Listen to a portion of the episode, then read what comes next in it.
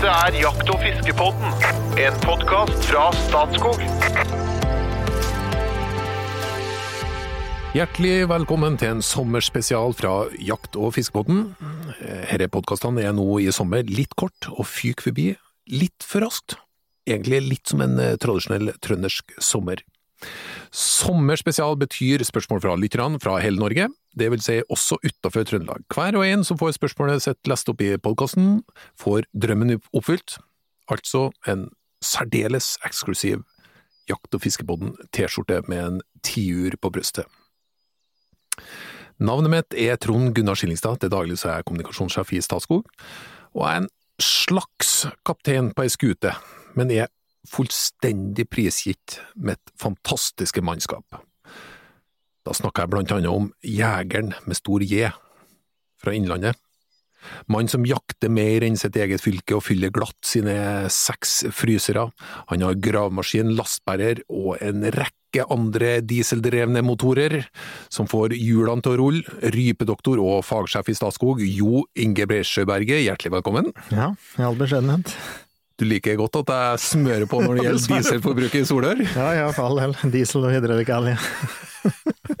Over til livskunstneren fra Asker. Han er et verbalt oppkommet, konsekvent eh, halvforberedt.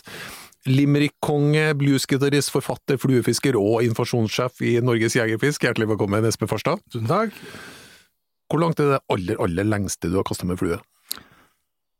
Jeg har hivd ut hele snøret i medvind og gode forhold, og da er vi jo oppe igjen rundt 30, da. Ja. Finnes det noen verdensrekord? Å ja, ja, ja, ja, altså casting og det, det er jo, dette Ja. er jo en hel idrett. Og det, Hvor langt kan det gå? Nei, pff, spør du meg, jeg tenker, de kaster sikkert det dobbelt og vel så det, jeg vet ikke, de er jo ufattelig flinke disse folka. Det er jo idrettsutøvere. Ja. Ja, ja, ja, og vi har mange flinke, hatt god tradisjon på det i Norge, at, eh, at vi har gjort det godt i, i casting. Men snø, sa du at snøret ditt var 30 meter? Ja, sånn Er det en standard, eller? Ja, sånn mer eller mindre rundt der, ja. Mm. Ja. Det er denne AFDM-klassifiseringen og sånn som vi snakket om, som har det med vekt på snøre og lengde og ja. Jeg er ikke så veldig god på de der detaljene, like lite som jeg kan alle disse her kaliberbetegnelsene på Ja, ja, ja, ja. Jeg bare, jeg har det jeg har og bruker det. Ja. Nei, men det var ikke lytterspørsmål, det var programlederspørsmål. Vi skal over på lytterspørsmål. Eskil Digre han har kommet med et godt spørsmål her nå. Når vi skal melde inn fangstrapport for dagens jakt på i natur, så er spørsmålet hvor mye fugl ble skutt. Hadde det ikke vært en idé å melde ifra om antall fugler sett også? En kan jo ha sett 20 ryper, men kun felt ei rype. Eller felt tre ryper og sett tre ryper. Ja, Jo Inge, vær så god. Ja, det var riktig. Det var et godt spørsmål. Alle, alle spørsmål er egentlig gode. Eh, jo, det er for så vidt et poeng, det. Det er, eh, det er å teste ut litt av det òg. Og det kan ha en visjon. Vi gjør det jo i hjorteviltforvaltningen vår. Den er jo basert på sett elg eller sett hjort. Ja. Eh, og det er jo avhengig av å ha gode statistikker, og at det gjøres av alle, da. At alle sender. Det er liksom det store tallslov her, da. Eh, det er litt problemet med fuglejakta, at hvis du skal bruke det her i forvaltningen, så er det avhengig av at det er enten et representativt utvalg, eller at alle gjør det. Og det viser seg litt vanskelig, for du pålegger én ting til, og så er det ja, det er litt her mange ryper du så. Det er ikke alltid like lett å telle, om det er en flokk på 200 eller om det er 1000, kan det være, i kjempestore flokker. Så skal du begynne å telle det her. Det er ikke alltid like lett, altså, eh, til erfaring, når vi takserer dem òg. Se om det er en voksenfugl eller en kylling, og har mange av mer. Det her eh, kan være vanskelig nok. og Brukt riktig så kan det være ett tillegg og et kjempeverktøy, men eh, vi sliter litt med det å pålegge alle jegere å gjøre det. For, eh, det hvis du pålegger jegere, og så er det halvparten som gjør det, for eksempel, så, har de, så vil det ikke ha noen verdi. Mm. Det er såpass ømfintlig. Og da tenker jeg, når jeg kikker på deg, Espen, at det å pålegge enda mer rapportering med litt uklar verdi, er kanskje ikke det første du skal gjøre på jegeren? Jeg, jeg, tror, altså, jeg tror nok vi er positivt grunnleggende positivt innstilt til å bidra inn til en bedre forvaltning. Det tror jeg. altså Jegerne er seriøse og ordentlige mennesker på, på det nivået der, syns jeg. Men, det står ikke på det. Nei, jeg tror ikke det, men, men, men jeg hører jo hva Jo Inge sier, jeg syns det høres fornuftig ut. Og så er det sånn, Vi har jo bygd opp en del andre systemer da, for å få en oversikt over bestanden, med takseringslinjer og mye arbeid. Og, og det har jo den verdien at vi får et bedre kunnskapsgrunnlag før jakta starter, da. Sånn at vi kan begrense litt. Dette vil jo bli en sånn litt sånn på bakfot-forvaltning, egentlig. Ja. Så, så jeg tror vi heller legger innsatsen i takseringa, og så få god, gode rapporter på her de feller, og hvor lang tid de bruker på å felle. Altså innsatsen og fellinga. Og så eventuelt skulle hatt noe annet, da, så måtte det være gjøre noen stamfuglregistreringer på våren, for å se om stamfuglbestanden går opp eller ned. Og for lyttere som er litt usikre på kanskje hva du mener med at vi må legge vekt på takseringa, hva, hva gjør man når man takserer? Eh, Vi legger ut faste linjer i fjellet, rette linjer, og så går vi de med en, en hundefører med hund eh, løs, som søker av et område, og så måler vi avstand ifra observasjon av fugl, vinker rett inn på linja, og så regner vi at vi finner alle fugler på linja, og så avtar det ut ifra linja, og så har det modeller da, som beregner tettheten. Så den lette var at vi Vi, vi, Vi vi teller fugl i terrenget, Ja. og så ganger vi opp med terrenget ut fra hvor, Det arealet vi har dekt, hvor man pleier å finne rype. Ja. Ja. Nei, men det var en veldig omtrentlig omskrivning fra min side. Nei, men supert. Det betyr en vakker T-skjorte til Eskil Digre, så fremt vi får beskjed om eh, størrelse og adresse. Over til Julie Høyvåg.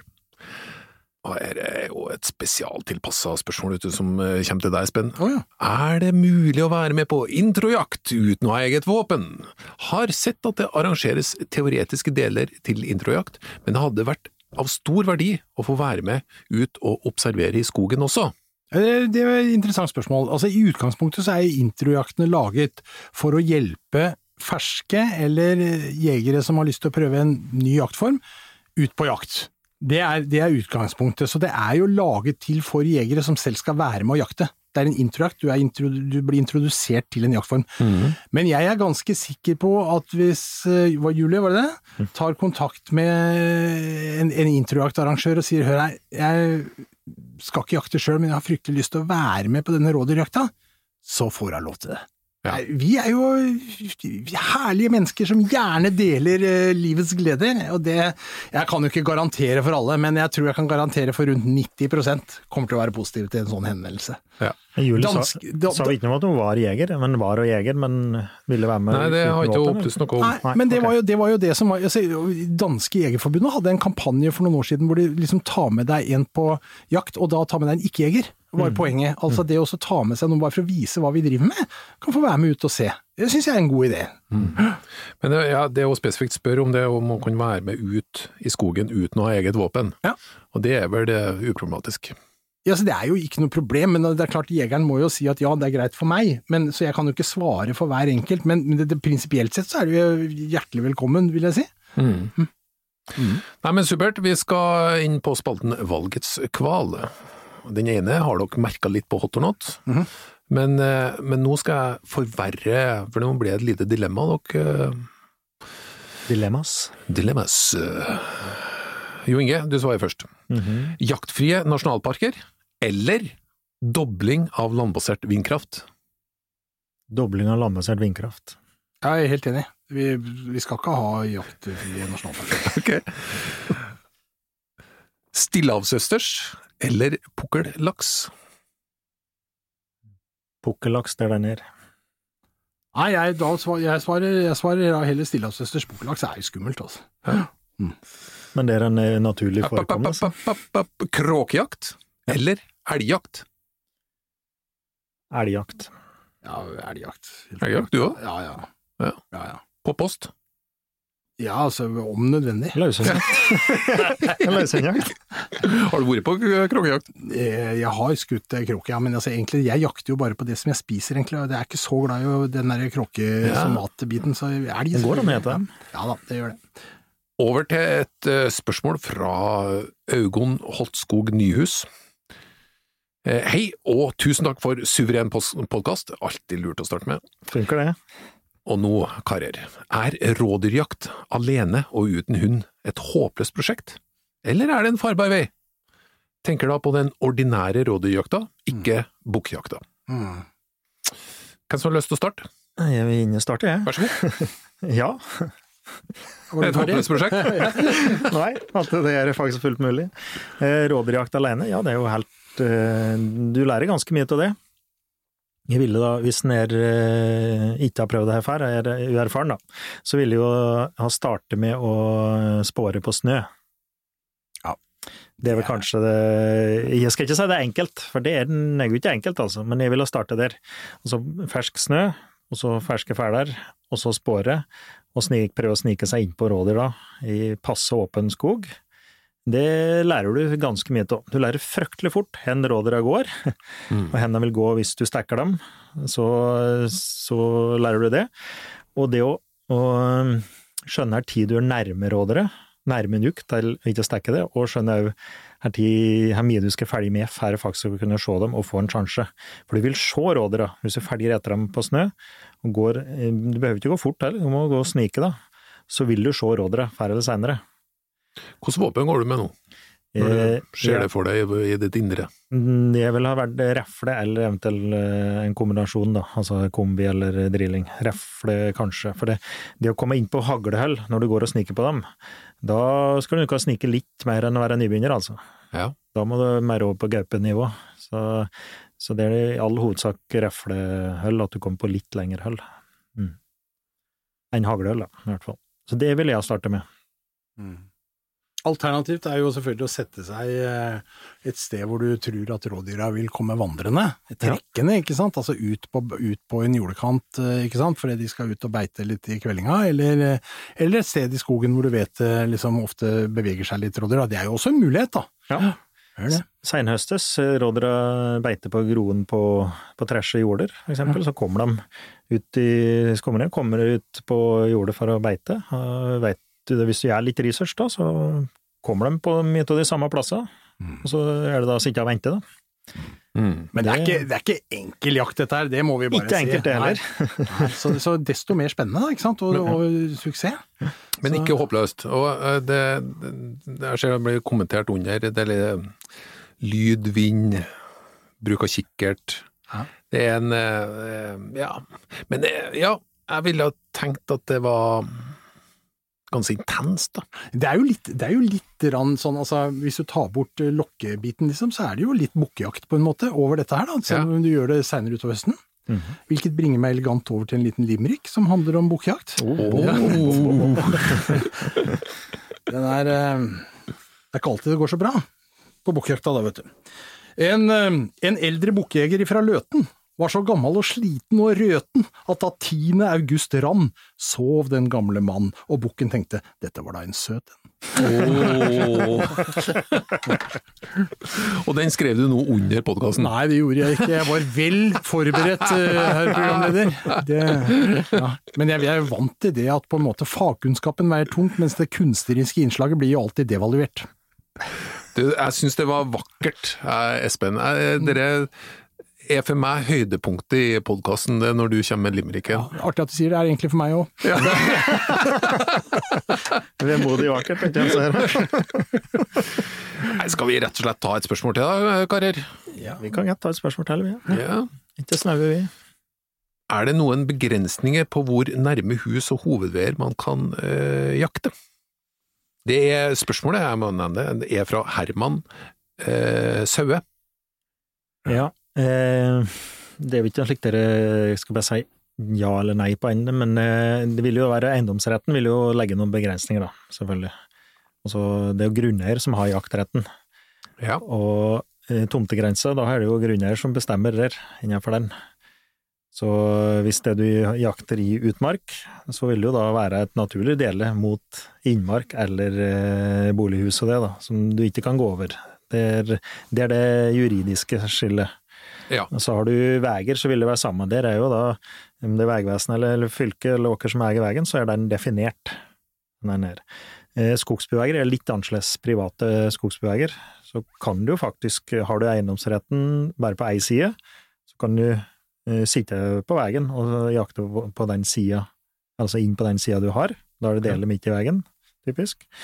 Eh, og har du begge sider, så kan du jo skute over veien òg. Da, da er det faktisk jakt over veien. Ok. Men um, Så jeg vet ikke, det er litt, litt hvor du er og, og hva slags setting det er, da. Men, Det trodde jeg ikke var lov, altså, uansett, men, eh, men hvis du har en, eh, en, en vei på egen eh, privat grunn, så går det fint. Så kan du sitte på den og skutte elg på den, ja. Ja, Sjøl om den er åpen for trafikk. Ja, det er jo ja, åpen for trafikk. Her for grad er den åpen for trafikk. Hvis det er din vei, så er det jo en privat skogsbyvei, da. Da kan du jo bomme den, da. Ja, hvis den ikke bommer. Så er den i prinsippet åpen, ja. Ja. Den ja. Altså, ja, for er den ikke bomme, så, så er det slik dere, så kan det jo komme folk inn på den. Ja. Men, eh, men det er jo fortsatt din private vei. Altså Mm. veien, eh, eiendomsretten og juridisk, så er det jo din vei. Men jeg tenker, jeg tenker at her, her Jeg er jo fra såkalte sentrale strøk. Urbane strøk. Jeg bor i Asker, ikke sant. Her er jo tett befolka kommune. Mm. Eh, og vi har jo i alle år jakta i Asker. Og det er jo tett opp til folk. Og jeg, det, Én ting er på en måte det juridiske som du er inne på, Jo Inge. Det andre er på en måte hva som er akseptabelt, da. Ut fra Ja. at folk bor der og så videre, ikke sant. Det, For det kan være helt noe annet. det kan være helt noe annet, Ja. om, man, om, om, man må ta noe hensyn. Og jeg tror at vi som Altså, vi skal ikke vi skal jo selvfølgelig fremdeles jakte i Asker, vi skal jo også høste av en rådyrbestand og være med å regulere den osv., men vi, vi er nødt til å gjøre det med litt nennsom hånd. Eh, det kan være greit å være ute litt i forkant og orientere folk om at nå foregår det jakt her. Altså, min jeger- og fiskeforening, Asker jeger og fisk, var ute i Bustika for noen år siden og sa at nå starter jakta, hvis det smeller litt så er det oss som er ute i skogen, liksom. Det tror jeg er veldig lurt, å være ute forebyggende, er veldig smart.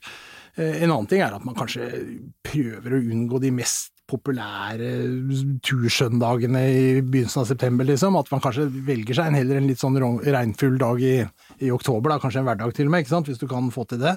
Altså, du må ta hensyn. Ja, og ta hensyn om du møter jegere på nei, Det- turgåer Det også jakt, være veldig åpen, ikke prøve å gjemme seg bort i skogen, men heller liksom gå fram og si hei og si at eh, dere er hjertelig velkommen til å gå tur her. Vi jakter her Mm. nå, men det spiller ingen rolle for dere, liksom. Altså, være helt åpne på det vi driver med. Hvis Ja. ikke så, så blir dette veldig fort feil. Og, og, da, og da liksom det rådet da, i Asker som han nevner, så er det jo Noen vil ha litt ambivalent forhold, for de er mer eter og blommer og hagebusker og alt som er. Kanskje ønsker de dit pepperen gror, for alt jeg vet. Og veldig mange vil ha et forhold til de rådere som går i hagen. Ja. Som kanskje ikke syns det er greit at vi jakter på dem heller. Det skal nå respektere, og ikke nødvendigvis da høste de rådere i hagen, da. Ikke sant? Eller rett på utsiden. Så det, det er liksom Vi må jo tilpasse oss eh, virkeligheten, vi òg, da. Mm. Nei, det er jo, forholdene vil jo være veldig ulike. Jeg var jo med deg på rådyrjakt, eh, Jo Inge, eh, og da felte vi jo rådyr veldig nært folk. Ja. Og da blir jo skutt veldig nært folk, og eh, det blir vomma ut et dyr rett i nærheten av der folk bor og så videre. Så det, det, men det var hjemme hos han? Nei, i nærheten, da. I nærheten av stabburet, liksom? Altså, der, her oppe spiller jo ikke det noen rolle. Altså, De blir jo skuffa hvis det ikke smeller i skauen borti der. Det er jo en helt annen virkelighet enn oss som bor nede i gryta. Jo, men det, Ja, det- mener jeg virkelig, altså. ja, det, men- det at det smeller i skauen er jo et kvalitetstegn oppå oss Jo Inge, ikke sant? Ja, ja, men, ja, men det, det tenker jeg, det, det forholdene er veldig ulike. Ja, Ja, veldig. Må nok tenke tilpasse oss det, ja. Ja. Nei, men supert. Vi skal faktisk eh, gå ned for landing. Vi skal selvfølgelig ha en uh, hot or not. Eh, men eh, før det en oppfordring til våre lyttere. Eh, spre gjerne ordet om jakt- og fiskebåten, og følg oss på Facebook og Instagram. Har du anledning til å gi oss en anmeldelse på eh, Apple Podcast, hvis du er en av brukerne der, eh, må du gjerne gjøre det. Hvis spørsmålet ditt ble brukt, send oss en eh, melding på Facebook og fortell adresse og størrelse, så får du en sagnomsust, vakker T-skjorte i posten. Da er vi klar for hot or not, og Jo Inge, du skal svare først. Mhm. Snøkrabbe, hot or not?